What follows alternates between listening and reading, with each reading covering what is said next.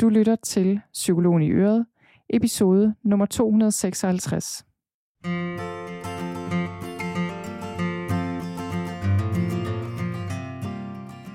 Velkommen til Psykologen i Øret.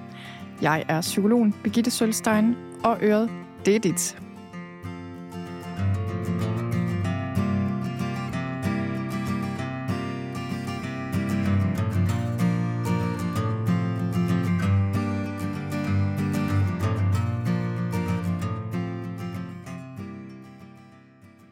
Velkommen til den her episode, som skal handle om kreativitet.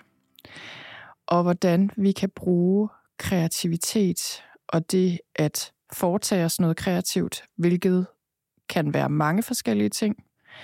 Hvordan vi kan bruge det til at mindske stress og få det bedre, både mentalt og fysisk og hvordan vi kan bruge det til at løse problemer, og øh, ja, hvordan vi i det hele taget bare kan bruge kreativitet og har brug for kreativitet i vores liv. Og øh, ja, jeg ved ikke, om man kan høre det, men øh, jeg sad lige og tænkte på, jeg følte, jeg føler, at min stemme er lidt speedet. Jeg ved ikke, om I kan høre det, eller om det er bare mig, der synes det. Jeg har lige drukket en ret stor kop kaffe, sådan på én gang næsten. Og øh, jeg ved ikke, om det er bare, fordi jeg føler mig lidt speedet. Jeg drikker en kop kaffe en gang imellem. Ikke så ofte, øh, fordi jeg kan hurtigt få for meget af det. Men så øh, stod jeg lige her til formiddag i solen bare og nød den her kop kaffe og drak det hele, inden jeg skulle op og optage den her episode. Og nu, ja, jeg ved ikke, jeg ved ikke hvad det er, men øh, jeg håber ikke, jeg lyder alt for speedet. Jeg tror lige, den, den kom indenbords lidt for hurtigt. Nå, men grunden til, at jeg gerne vil sige noget om det her emne, det er, fordi jeg føler, at det er vigtigt for os mennesker. Jeg tror simpelthen kreativitet og det at udfolde os kreativt og bruge vores hænder og bruge vores sanser og finde på ting og arbejde med ting øh, og frembringe forskellige ting – jeg tror simpelthen, eller jeg ved, det er et grundlæggende menneskeligt behov. Og, og især for vores trivsel er det simpelthen så vigtigt. Og det tror jeg, øh, det tror jeg er meget overset i psykologien. Heldigvis begynder vi at tale om det, og har nok, det har egentlig altid været noget i psykologien, der, der også har været der. Men det har været sådan et lille bitte sidespor, føler jeg. Noget, man er stødt på i ny og næ og hører om i ny og næ. Både når man læser på universitetet som psykolog, men også sådan i det brede landskab, i mediebilledet, når der bliver nævnt øh, metoder og teknikker og ting, der kan hjælpe os, så, øh, så føler jeg faktisk, der er alt for lidt fokus på det her med kreativitet. Der er rigtig meget fokus på øh, relationer, og det skal der jo også være. De er også vigtige, mega vigtige. Der er meget fokus på motion og en sund livsstil, ordentlig mad og vand nok og alt det her frisk luft og bevægelse osv., hvilket også er vigtigt. Der er øh, sådan noget som meditation og andre typer af teknikker og bevægelsesformer, yoga, tai chi, gåture osv., er også noget, der bliver nævnt rigtig meget i forhold til vores mentale og fysiske trivsel. Og det er også meget vigtige ting. Jeg snakker om dem selv, arbejder med dem som psykolog. Øhm, så er der selvfølgelig de forskellige psykoterapeutiske metoder, hvor lige pt. sådan i, øhm, i det brede samfund er de kognitive metoder, de nye kognitive metoder, meget fremherskende, og det kan der siges meget godt om. Der kan også siges noget ikke så godt om det, synes jeg. Øh, det, det er meget dobbelt, fordi der er noget med de teknikker, der, øh, de teknikker, der faktisk afspejler et meget individualiseret samfund, og det er ligesom om, de nogle gange kan blive en del af problemet, mere end løsningen, hvis man ikke er omhyggelig med, hvordan man præsenterer de her metoder, og, og hvordan man arbejder med dem. Jeg arbejder selv med nyere kognitive metoder, med ACT, især øh, Mindful Self-Compassion, med meditation og sansøvelser, alt muligt. Det er vigtigt, og det er så hjælpsomt i forhold til stress og angst og depression og traumer og alt muligt. Men det er mere måden, vi snakker omkring de her psykoterapeutiske metoder, øh, kognitive metoder især, hvor vi lige skal have lidt perspektiv på, hvordan vi gør det. Der er også mange andre psykoterapeutiske metoder jo. Der er de, øh, de dynamiske, der hvor vi arbejder mere med følelser. Øh, der er de kropsorienterede, der er de humanistiske, eksistentielle. Der, der er flere øh, adskillige retninger, rigtig mange spændende og gode øh, metoder. Med de her psykoterapeutiske metoder er det ofte et spørgsmål om, hvad der virker for hvem og hvornår. Det er det, som psykoterapiforskningen sådan bredt set kommer frem til hele tiden og så igen. Og de her ting fylder meget, synes jeg, i forhold til, hvad, øh, hvad vi bruger, og hvad vi bruger som behandling, også i offentligt regi, og, og når vi skal opsøge hjælp i forhold til at få det bedre. Sådan noget som kreativitet, det at male, det at tegne, det at forme noget med hænderne, hvad end det er ler eller træ, eller øh, alle mulige former for håndarbejde og håndværk, øh, altså strikke, hækle, væve, sy, tømre, øh, mure, altså alle mulige former for håndværk. Øh, mure var måske lidt et dårligt eksempel. Det ved jeg ikke, hvor mange der lige sådan gør i deres fritid for at være kreativ. Men det kan man jo godt, øh, hvis det er det, man har lyst til. Jamen alle mulige ting, vi kan foretage os. Kreativitet kan jo også være øh, have en kreativ form, kreativ tilgang til madlavning, hvor vi ligesom bare frembringer et eller andet, der ikke var der før, får idéer, skaber noget, vi selv finder på. Sådan kan det også være med vores have. Det kan også være et kreativt projekt. Vores hus kan også være et kreativt projekt. Der er noget med det der med hus og have og mad og sådan noget. Det synes jeg kan være lidt svært at bruge som kreativitet på recept, fordi det griber ind i praktiske ting og pligter, vi har. Det kan også nogle gange gribe ind i nogle idéer, vi har om, hvordan vi skal fremstå og normer og sådan noget. Så det kan nogle gange være lidt sværere at skille ad. Så, så det, jeg kommer til at tale om her, når jeg taler om kreativitet på recept, og kreativitet som, som en vej til trivsel, både mentalt og fysisk, øhm, der, der tænker jeg nok på noget, du typisk de her ting, som mange af os har en tendens til at udsætte i det uendelige, fordi vi føler, at vi ikke har tid, men som vi elsker at lave, som er noget kreativt, en eller anden form for kreativ udfoldelse, som vi gør, ikke fordi vi nødvendigvis er gode til det, ikke fordi der nødvendigvis kommer noget som helst ud af det, vi kan bruge til noget. Nogle gange gør der jo. For eksempel, hvis vi godt kan lide at sætte gamle møbler i stand, eller tegne noget, vi kan hænge op på en væg, hvad ved jeg, eller give i gave eller noget. Men det en eller anden kreativ syssel, som du bare rigtig godt kan lide, og som nærer din sjæl, og hvor du finder noget ro og noget flow. Og øhm, ja, jeg tror godt, du ved, hvad jeg snakker om her. Og prøv lige at overveje en gang for dig selv i dit liv.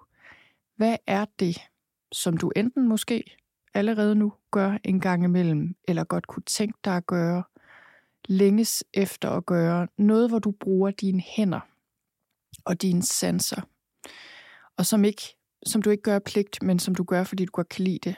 Øhm, og det kan være, hvis du har rigtig svært ved at komme på noget, fordi det er der også nogle af os, der har, fordi vi er så fornuftbetonede, og vi har glemt alt om alt med os selv, øh, der, der ikke har noget med pligter at gøre, eller arbejde, eller børn, eller hvad nu. Så kan det være, at du skal gå tilbage til dig selv som barn, og typisk skal det være, før du bliver teenager, så sådan før 12-årsalderen, for at kigge på, var der noget der, du godt kunne lide? Bare sådan fuldstændig, der bare kom, fordi det kunne du bare godt lide, øh, og foretage dig noget kreativt. Jeg kan sige, at hvis jeg går tilbage til den tid, så kunne jeg rigtig godt lide at tegne med blyant og med farveblyanter også med akvareller. Øh, jeg kunne godt lide at bygge huler med min veninde Ines og med Stine og med andre veninder. Men altså det her med at bygge huler, det kunne jeg rigtig godt lide. Var der andre ting, jeg godt kunne lide? Jamen, jeg kunne bare godt lide alt i billedkunst, tror jeg. Det var mit yndlingsfag. Og selvom jeg ikke var sådan overvældende god til det. Jeg, blev, jeg var ret god til at tegne som barn, fordi jeg tegnede så meget, så jeg blev rimelig god til det, men Ja, og lidt senere i min barndom kunne jeg rigtig godt lide at skrive også, og finde på historier. og så noget at finde på lege også sammen med min fætter. Jeg kan huske, vi havde sådan et helt fantasiunivers, vi bare sådan legede videre på, hver gang han kom ud i læhegnet, vi havde om bag ved garagen. Øh, der, hvor vi boede, så legede vi sådan en helt særlig leg. Vi legede den også nogle gange i sådan en gammel silo, der ikke blev brugt mere, men hvor der bare lå en masse brænde og store træer, der var blevet fældet og sådan noget. Det der med at finde på et univers og sådan.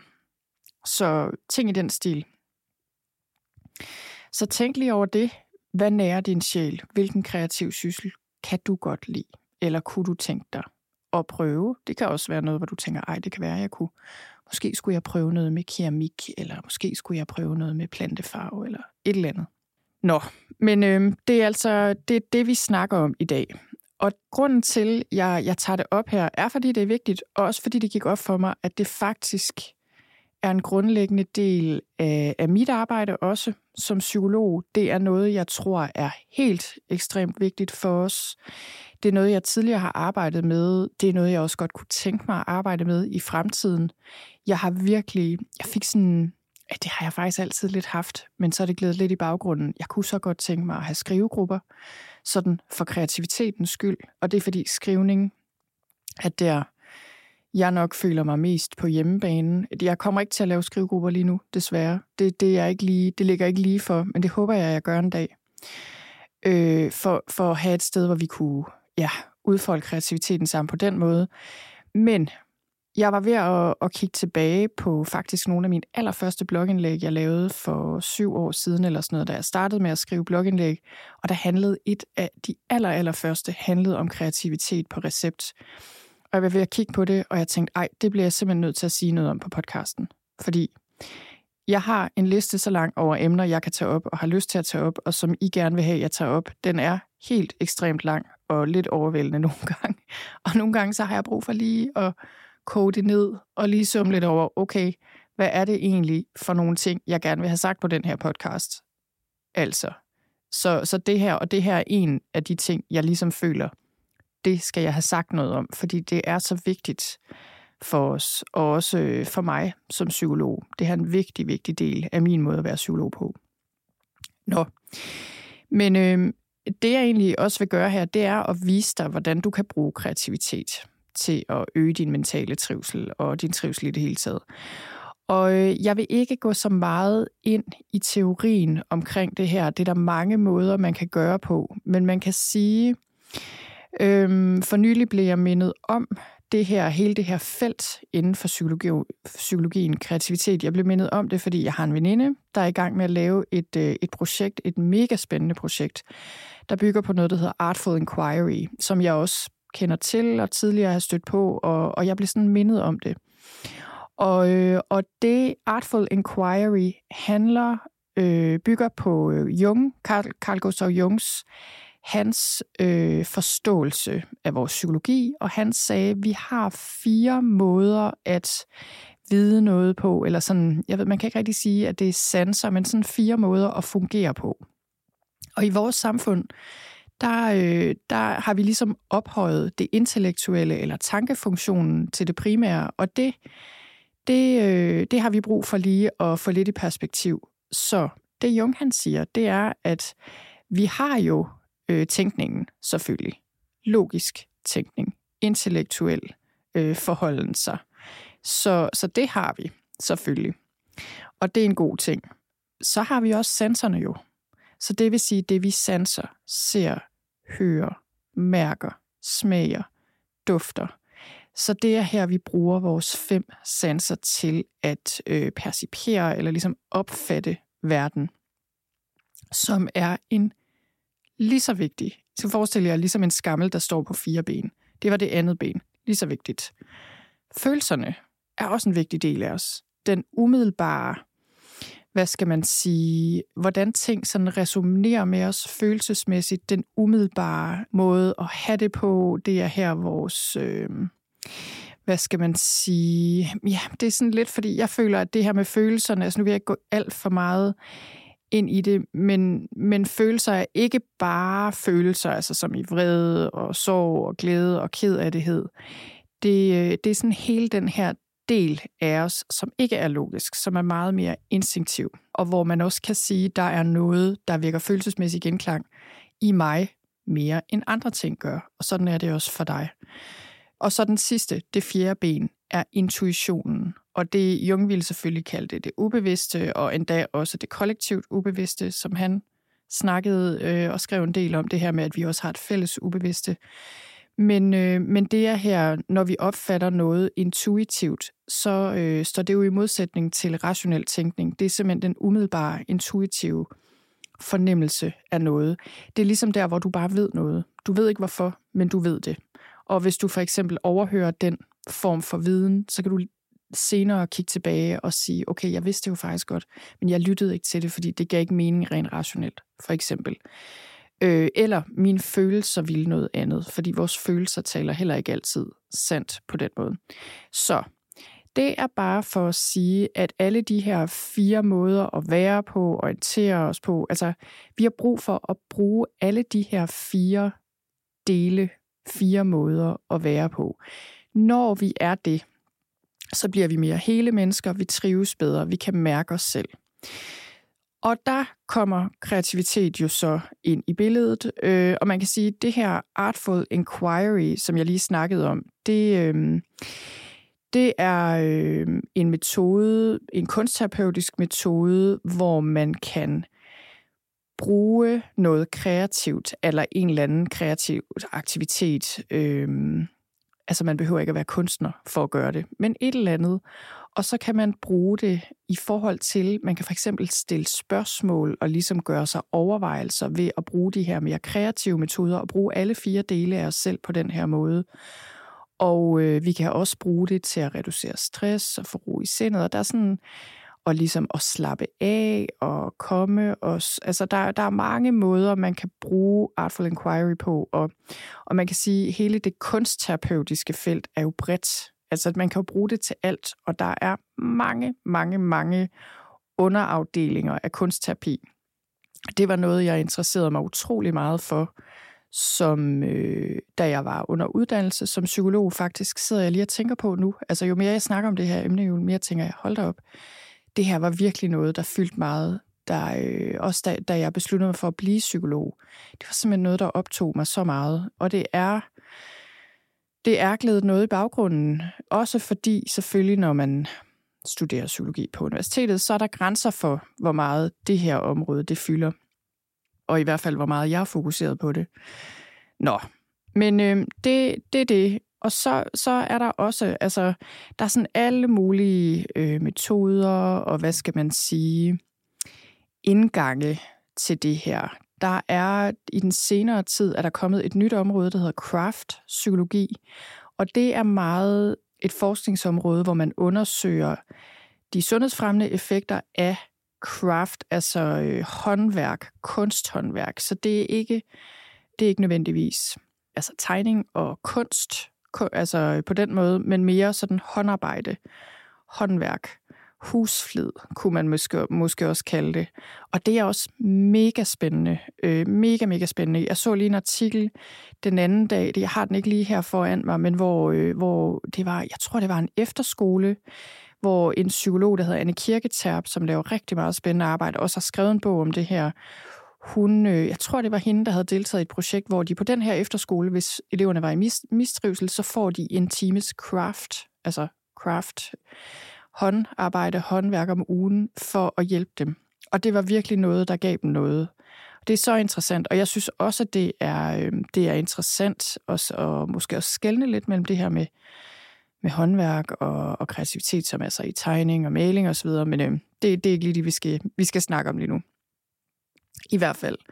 Så er det mega spændende. Og, og man kan sige, det alle de her kunstterapeutiske eller kreative psykologiske metoder, de har til fælles, det er, at det har nogle effekter på os, det har nogle gavnlige effekter på os. Det kan være alt muligt. Altså hvis vi er sammen med andre omkring det, så siger det sig selv. Så er vi sammen med andre, så giver det også en følelse af fællesskab og samhørighed.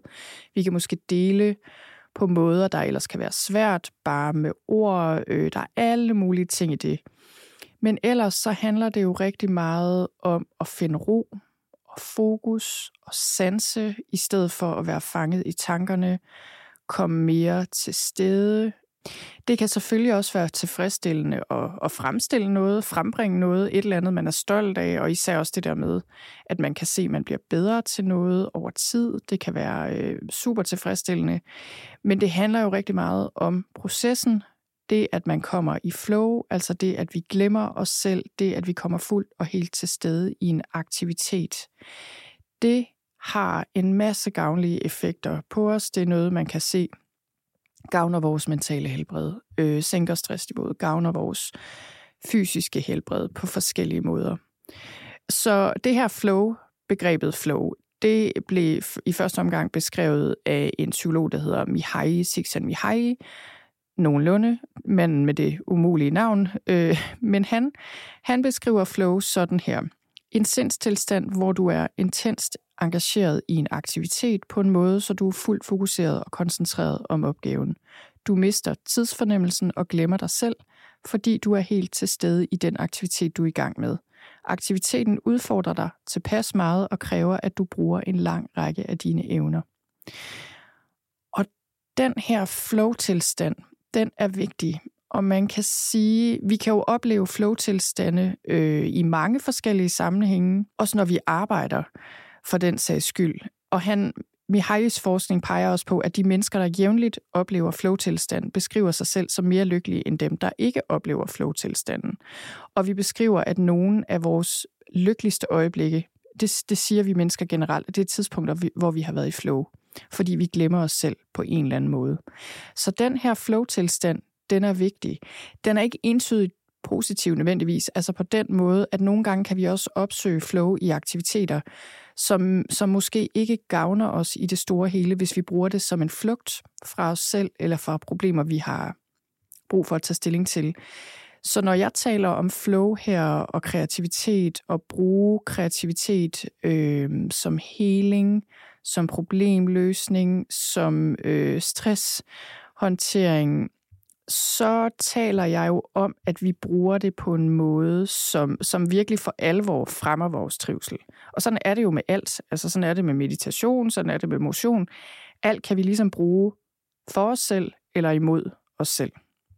Men øhm, jamen, der er så mange ting i det her. Flow er en ting, som er vigtig og som gavner vores helbred. Noget andet, føler jeg, det er det der med vores grundlæggende behov for at skabe noget.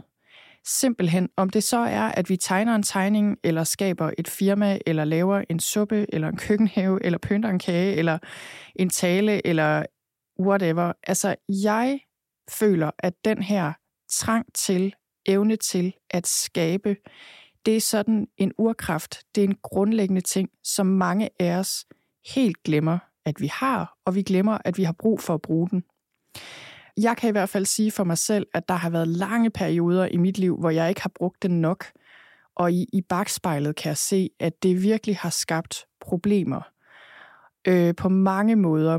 Der var blandt andet nogle år, en helt en klassiker jo, altså da jeg der var nogle år i gymnasiet, og sådan ligesom min teenageår i gymnasiet, hvor det gik tabt. Det tror jeg også er meget klassisk. Så fandt jeg det ligesom igen i takt med, at jeg faktisk begyndte at finde mig selv lige efter gymnasiet, og, øh, og sådan i min sabbatår der heldigvis. Så der var en del år, hvor jeg havde det med på den ene eller den anden måde. Sådan, øh, og så kom der nogle år der, hvor vi fik børn og et barn mere, og arbejde og hus og det ene og det andet, hvor, hvor det virkelig gik tabt altså hvor jeg glemte den her vigtige side af mig selv, så har jeg heldigvis fundet den frem gradvist. Jeg synes stadig, jeg er i gang. Jeg har, jeg har delvist fundet den frem, men jeg, jeg føler også, det her noget, jeg også har brug for at minde mig selv om, er meget, meget vigtigt at finde ud af, hvordan kan jeg, hvordan kan jeg hente noget mere kreativitet ind, øh, sådan i min dagligdag, sammen med andre, og også som noget, jeg griber til, når jeg gerne vil løse et problem, eller tænke over noget, eller har det svært, eller altså, øh, ja. Så der er det her med, med behovet for at skabe, som jeg tænker er jeg tænker faktisk, det er livsvigtigt. Altså, jeg tror ikke, det er i luksusafdelingen. Altså, det er det jo på en måde. Selvfølgelig har vi mere brug for at trække vejret og få vand og, og have mennesker omkring os og sådan noget på en måde. Men, men jeg føler alligevel, at, øh, og det kan man diskutere lang tid frem og tilbage, og Maslows behovspyramide og alt muligt det her, det er et grundlæggende menneskeligt behov, og mange af os får problemer, hvis vi glemmer det. Så, øh, og der kan man sige, omvendt kan man sige, at mangel på kreativ udfoldelse kan medføre dårlig trivsel. Og det kan det af mange årsager, men jeg synes, jeg tror, at en af de vigtigste årsager også er det der med, at en af mine grundsætninger faktisk er, at det, der gør indtryk, skal have et udtryk. Det er en af mine grundsætninger i forhold til, hvordan vi kan skabe psykologisk trivsel. Det vil sige, når noget giver, gør indtryk på os, altså livet, oplevelser, alle mulige ting, der sker, der, der virkelig gør indtryk på os og, og skaber følelser og tanker og minder og svære ting og traumer og alt muligt, det skal have et udtryk. Og et udtryk er jo også at tale om det og, og så videre, men et udtryk er også, kan også være et kreativt udtryk. Og det er bare min erfaring, at det at give vores alt det, der har gjort indtryk i det store og det små, og give det et udtryk, det er simpelthen så vigtigt. Og det kan være helende. Ikke fordi det får alt til at give over, gå over, men det er ligesom, vi kan bruge det til noget. Det er lidt ligesom sådan en form for alkemi. Altså vi kan bruge noget af alt det svære og, og måder, vi er strandet på og har det svært og ikke kan komme videre. Og så kan vi ligesom i det, vi udfolder os kreativt og bruger det i den proces, så bliver det til noget værdifuldt, og vi får givet udtryk for det. Det, det, det kan være værdifuldt for os selv, og ofte også for andre. Så lige om lidt siger jeg lidt om, hvordan man kan få sådan en kreativ praksis ind i hverdagen. Men, øh, men lidt om, hvorfor det er, vi er kommet så væk fra vores kreativitet. Jeg tror meget af det handler om, at der er blevet længere fra jord til bord, og vi behøver ikke at være ret kreative, mange af os. Og nu er det jo ikke, fordi man skal male et eller andet idyllisk billede af fattige bønder i gamle dage, øh, der blev nødt til at gå ud og dyrke grøntsager i jorden og slagte en gris, hvis de overhovedet ville have noget spis. Altså, hvis de var så heldige overhovedet at have jord og dyr. Altså, det skal man jo ikke. Jeg er selv ud af landmandsslægt, og jeg er udmærket klar over, at det livet var ikke altid lige nemt nødvendigvis. Men der er det med et samfund, hvor man, eller hvad skal man sige, en livsform, hvor man dyrker sine egne grøntsager og forarbejder råvarer, syr sit eget tøj der er noget i det, øh, hvor man ligesom trækker på den her skaberkraft, hvor der er, der er også en social sammenhængskraft i det, noget, der giver en umiddelbar mening og en umiddelbar tilfredsstillelse for mange mennesker, som vi har mistet langt hen ad vejen. Og det er det der med, i dag der er vi, vi bor jo i et forbrugersamfund. Det går vi jo og siger, og det, det er også sådan, det er. Vi er forbrugere frem for skabere. Vi syr ikke vores tøj, vi laver ikke selv vores mad i samme omfang i hvert fald. Øh, vi dyrker ikke jorden, vi bruger ikke så meget af vores fritid på ligesom at skabe ting, bygge ting, lave ting, finde på ting. Vi køber os til rigtig mange ting. Vi bruger en stor del af vores fritid nu om dage på underholdning, passiv underholdning, øh, hvilket også er fint nok, men det er ikke en tilstand, hvor vi er i gang med at skabe noget. Vi er ikke i flow. Og det, man kan sige, vi lever jo en komfortabel tilværelse, og det kan der jo også siges meget godt om. Uh, altså, helt klart, at vi har nok med, og, og så videre, øh, og som samfund generelt bare har det, vi har brug for på sådan et helt grundlæggende plan. Men det slukker vores skaberkraft. Det tror jeg bare. Øh, alt, alt, alle undersøgelser peger på, at vi i Danmark har fået mere fritid til rådighed siden 60'erne.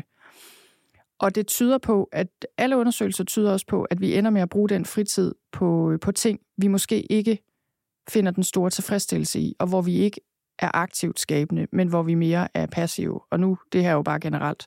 Så øh, hvis du ikke føler, at det passer til dig, så er det jo fint. Men, det, men jeg tror også, når man kigger ud over det brede samfund, så kan man godt se, at det her er tilfældet. Så er der også noget med, at øh, jeg tror, at kreativitet har trangekår nu om dage, fordi det er blevet meget ophøjet til noget, der enten kun er for kunstnere, eller folk, der skal leve af deres kunst, øh, eller er dygtige i det mindste på et hobbyplan. Og jeg synes bare, altså er der én ting, hvis der var én ting, jeg kunne fjerne, nej, det er selvfølgelig ikke den ene ting, jeg vil fjerne, men der er én ting, jeg godt kunne have lyst til at fjerne fra sendefladen. Og, nu, og jeg bliver sikkert mega upopulær, når jeg siger det her, fordi mange elsker de her programmer. Alle de her programmer, Bagedysten, øh, X-faktor, alle de her ting, mennesker, der er helt sindssygt gode til noget og konkurrerer om noget. Jeg går ikke ind for det, fordi jeg synes, Det giver en fornemmelse af, at man skal være helt sindssygt god til noget, for at kunne have lov til at udfolde sig kreativt. Og det tror jeg ødelægger mange børns naturlige kreativitet. Jeg kan se det på mine egne børn.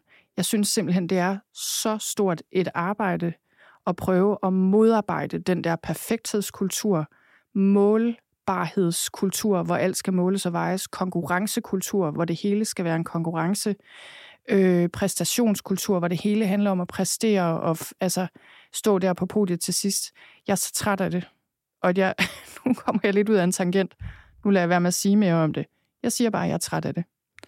Og jeg tror, det ødelægger vores naturlige kreativitet, som kun fungerer, hvis vi ikke er for præstationsorienteret øh, og prøver at leve op til alle mulige standarder. Nå, men øh, det var lige lidt en, øh, det var lige lidt om, hvorfor jeg tror, at øh, vores kreativitet kan have trange kår. Og det, det har den jo på den ene side, og omvendt så bor vi jo i et samfund, hvor vi har mulighederne, vi har ressourcerne, vi har tiden til det. Og så man kan sige, ud over alle de her ting, jeg lige har nævnt, så tror jeg også, en af grundene til, at øh, vi ikke bare gør det, det er jo også vores egen indre perfektionisme, som jeg kommer, som jeg tror kommer meget fra mediebilledet, sociale medier, alle de her tv-udsendelser og sådan noget. Og så den her perfektionisme. Og også sådan lidt, altså nu kan jeg jo kun tale for mig selv, men lidt vores dovenhed i forhold til, at vi er ikke rigtig villige til at måske at fordybe os i noget og øve os på noget i lang tid, uden at der kommer noget særligt ud af det. Øh, det der med at blive langsomt bedre til noget, eller måske gøre noget uden at have et behov for at være god til noget.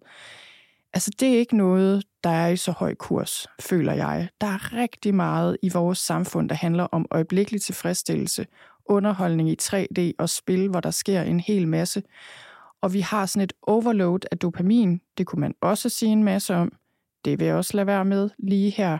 Men det gør, at vi har svært ved at fordybe os i de her mere langsomme, sanselige aktiviteter, som på sigt giver os trivsel, men som lige på kort sigt kræver noget af os. Ja, nå. Men lad os lad mig lige sige lidt øh, her til sidst om, hvordan kan vi få det her ind i vores dagligdag.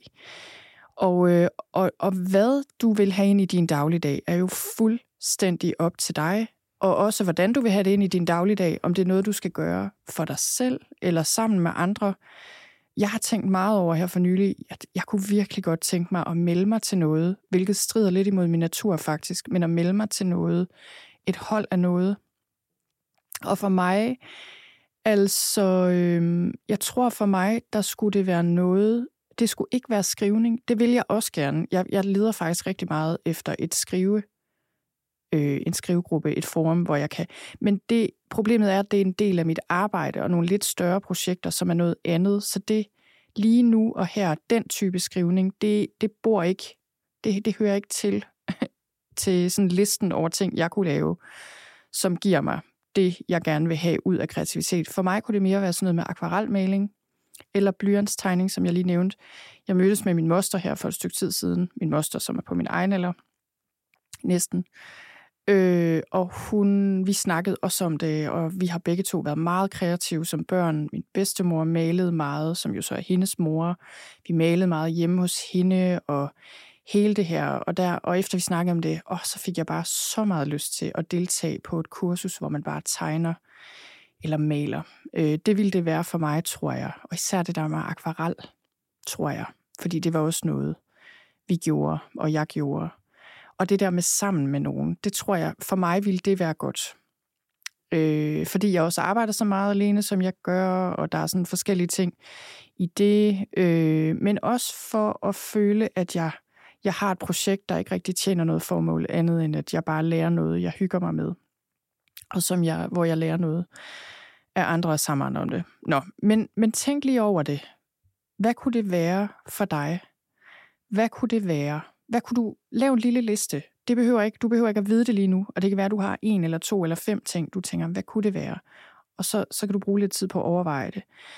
Og så kan man sige, et godt sted at starte, hvis du er der, hvor du tænker, mm, det har jeg ikke tid til. Det har jeg simpelthen for travlt til. Jeg har alt for travlt med mit arbejde. Jeg har for travlt med min familie eller alt muligt andet pligtagtigt, øh, hus og have. Jeg har for travlt med at vaske tøj i weekenden, eller jeg har bare ikke jeg tør ikke. Det, er også, det ville også være øh, en ganske almindelig barriere. Jeg tør ikke rigtigt. Jeg kan ikke komme i gang. Jeg ved ikke, hvad jeg vil. Alle mulige.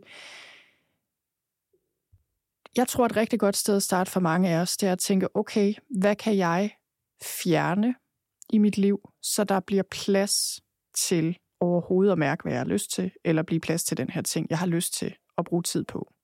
Noget kreativt. Og øh, lige en hurtig liste over ting, vi kan fjerne fra vores liv meget nemt, eller ikke meget nemt, fordi det kan faktisk være svært, men ting, vi i hvert fald kan undvære, som mange af os bruger lang tid på.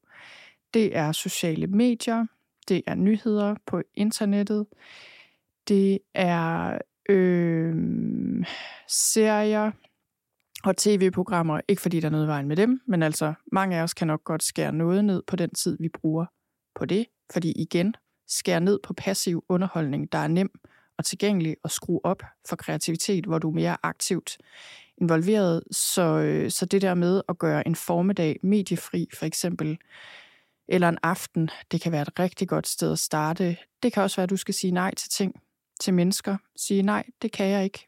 Book et møde med dig selv lørdag formiddag i din kalender. Lad som om du har en aftale med andre og sige nej, hvis øh, du har brug for det. Sige nej til din egen familie. Det er også sådan noget, øh, jeg, øh, jeg er egentlig god til det. Jeg får lidt dårlig samvittighed over det, men jeg er egentlig god nok til det. Jeg kan sige til mine børn, øh, det kan jeg ikke, fordi jeg skal noget andet. Altså selvom det er noget for mig selv. Det kan godt være svært. Det vil jeg godt indrømme. Øh, især hvis det er her i huset, så er det sådan lidt umuligt. Så ender jeg faktisk med at blive ret frustreret, og det gør mine børn også. Så skal jeg tit ud af huset. Men, men det der med at få sagt nej, og, og få fundet ud af, jamen, øh, dit liv handler ikke bare om at sige ja til alle og tilfredsstille alle andres behov. Det handler sådan set også om dig. Der er selvfølgelig perioder i vores liv, hvis vi har nogen, der virkelig har brug for os, eller en baby, eller små børn. Altså. Men vi kan godt finde en halv time indimellem og bruge på noget kreativt. Så, øh, så det er det første. Ligesom få fjernet noget af det, der tager din energi. Og så, øh, ja, igen, overvej, hvad kunne det være? Øh, hvad kunne det være? Hvordan kunne jeg få en kreativ praksis ind i mit liv? Og så skal du nok mærke efter. Skal du melde dig til noget, for at det her kan blive til noget? Skal du forpligte dig over for andre, måske endda betale for noget, så man ligesom føler, man spilder pengene, hvis ikke man møder op? Skal du gøre det, for at du kan få det her ind i dit liv, så er det, så er det en god idé at gøre det. Men ellers, så, øh, så er det noget med at sige, okay, hvad er jeg for en type? Ville det være bedst for mig at få 5-10 minutter ind, eller mere selvfølgelig om dagen, men altså 5-10 minutter ind om dagen, hvor jeg lige tegner, eller lige kigger lidt på mit projekt, eller lige sådan bruger lidt tid øh, på det her, eller, er, eller måske at hver øh, lørdag eftermiddag, eller søndag eftermiddag, eller et eller andet antal timer i weekenden, eller fredag aften, eller sådan noget, at der er det dedikeret. Og det skal være god tid. Det er også det. Det kan ikke nytte noget, vi, vi øh, venter til klokken halv 10 om aftenen, torsdag aften, når alt vasketøjet er øh, lagt sammen, og alle lektierne er lavet, og vi er fuldstændig smadret. Altså, der går jeg i seng, personligt, og øh, er mega træt. Og der, der kan jeg ikke udfolde mig kreativt. Også fordi jeg er morgenmenneske. Måske er du aftenmenneske, så er det noget andet. Men men det der med at finde ud af, hvordan, hvor har jeg nogle gode timer, en god stund på dagen, hvor jeg er frisk, og hvor jeg dedikerer noget tid. Og, eller det kan også være, at øh, du skal ud i, øh, jeg kender en, som er, øh, altså har et kreativt virke ved siden af et andet fuldtidsarbejde, og det virker som om, det mere er noget med, at hun dedikerer nogle dage i træk en gang imellem, hvor hun simpelthen kaster sig over et projekt, og enten tager i sommerhus, eller leger et atelier, eller hvad det nu skal være. Så det sådan bliver lidt mere koncentreret, sådan nærmest en retræte en gang imellem ind i den her kreative praksis. Så der er mange måder at gøre det på, men jeg vil, men jeg vil invitere dig til at gøre det nemt, gøre det enkelt. Lad være med at, øh, lad være med at gøre det sværere, end det er, eller ligesom opstille alle mulige unødige barriere for dig. Prøv nogle ting af. Meld dig til noget, selvom du ikke helt ved, om det er det, du vil. Lad være med at tro, du skal have alt muligt dyrt udstyr. Du kan gå i Søsterne Grene og købe vandfarver til en start. Altså, okay, det gør jeg måske ikke. Jeg, jeg kan måske godt lidt lide det der med også at have noget lækkert grej at gå i gang med. Det motiverer mig. Men altså, I ved, hvad jeg mener. Lad være med at tro, at du skal bruge 5.000 kroner for at komme i gang på, med et eller andet. Og så er det det der med at, at putte det i kalenderen, og, og også egentlig mindre selv om, hvor vigtigt det her er. Jeg håber, at du i løbet af den her episode har, øh, har er blevet mindet om og blevet bevidst om, hvor vigtigt det her er. Og så kan du bruge, altså det kommer jo meget an på, hvordan den her kreative proces fungerer for dig, om du bare går i gang, eller om du har et eller andet, du vil undersøge med det, øh, en eller anden følelse, eller et eller andet. Altså om du har et mål, altså forstået på den måde, du ligesom har et projekt, hvor du tænker, jeg vil gerne arbejde mig i retning af at kunne, kunne lave det og det. Altså det kan jo se ud på tusind måder. Men det, der er så vigtigt, føler jeg med det her, og her taler jeg virkelig også til mig selv, fordi jeg er så utroligt resultatorienteret og elsker at sætte mig et mål og nå det og alt det her, hvilket også er fint nok. Men jeg føler, at vi har brug for at have fokus på processen kun, når vi skal bruge kreativitet som en helende praksis, som, øh, som et sted, vi kan søge ly på en eller anden måde og virkelig trække vejret og bare være os. Vi har brug for at fokusere på processen og være til stede i det, vi laver, og give os selv lov til bare at være der. Så det er ikke noget med, at vi skal imponere andre, eller leve op til vores egne forventninger, eller noget som helst. Det er simpelthen noget, vi gør, fordi vi har lyst, og fordi vi gør det. Altså, that's it. Så det var det, jeg håber, du kunne bruge det her til noget.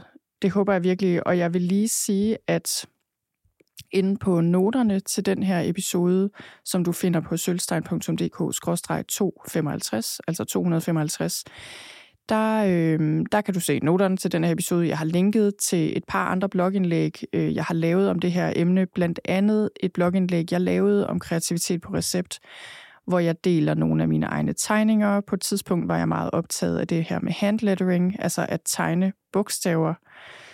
Og øh, ja, der, har, der deler jeg øh, nogle af mine tegninger og siger lidt om, øh, det blogindlæg handler meget om tegning, især sådan meget specifikt tegning. Så, så du kan hoppe ind der og se det. Og øh, ja, så håber jeg bare, at det her vækkede genklang på en eller anden måde dybt i din sjæl, og at du kan mærke, hvad der kalder på dig, hvis der er noget, der kalder på dig, og, og frem for alt håber jeg, at du vil handle på det, at du simpelthen vil gå hjem, eller gå ud i dit køkken, eller hvor du vil gå hen, og finde ud af, hvordan kan jeg implementere det her i mit liv nu. Så, øh, så du kan komme i gang med sådan for alvor og at mærke, hvad det her kan give dig. Fordi når du først mærker det, så er det ikke så svært længere at holde det ved lige, fordi så kan du mærke, okay, det her er en del af mig selv, som jeg har så meget brug for at vække til live og holde i live og, øh, og være i kontakt med. Så det var det for i dag. Tusind tak, fordi du lyttede med, og tak for nu.